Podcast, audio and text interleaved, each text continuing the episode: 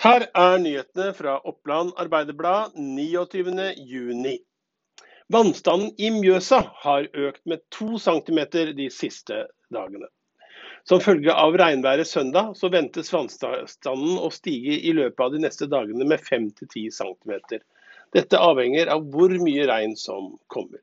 Det ser ut til at vi nærmer oss en foreløpig tapp, men fortsatt vil vannstanden øke sakte de neste dagene og vi anslår at toppen nås onsdag og at vannstanden deretter vil gå ned, sier vakthavende hydrolog hos NVE, Thomas Væringstad, til OA.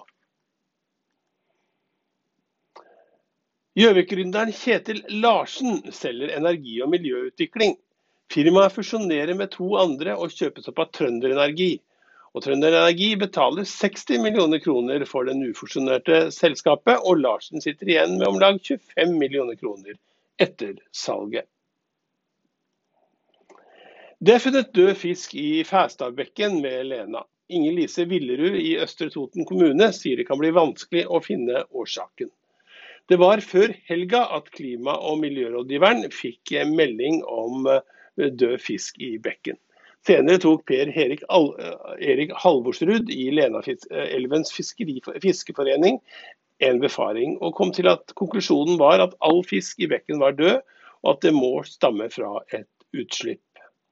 Funnet ble gjort et stykke fra utløpet ved Lenaelva, og eh, det er vanskelig å se hva som kan være grunnen til forurensningen, sier Villerud. Ledighetstallene går noe ned i Gjøvik-regionen, men Nav-sjefen er bekymret for langtidsvirkningene. Det er fortsatt svært usikkert hvordan situasjonen på arbeidsmarkedet kommer til å se ut etter sommerferien og utover høsten, sier Reidun Karlsen ved Nav Gjøvik. Hun har oppsummert ledighetstallene for Gjøvik-regionen per 23.6, og kan konstatere en urovekkende stor andel av arbeidsstyrken er uten jobb. Verst er det i Vestre Toten, der 12,5% av arbeidsstyrken nå er helt eller delvis arbeidsledig eller går på tiltak.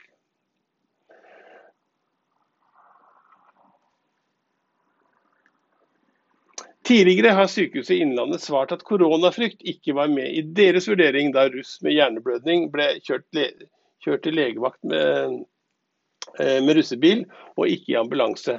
I Helsetilsynets konklusjon går det fram at eh, covid-19-forholdsreglene var et argument. Det er ikke mistanke om svikt i helsehjelpen som innebærer brudd på helserådgivningen, eh, sier, sier Statens helsetilsyn i svar på varselet som de mottok etter ulykken 17. mai.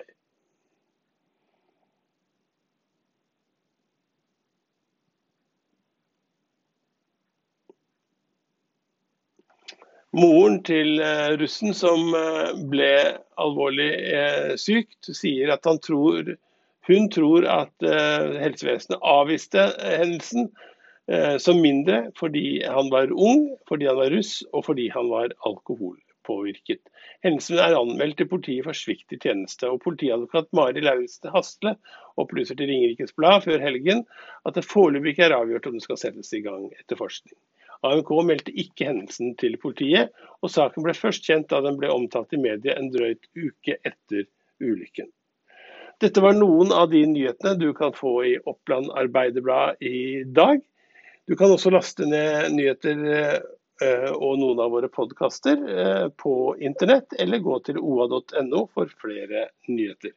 Mitt navn er Erik Sønstli, og jeg sier på gjensyn.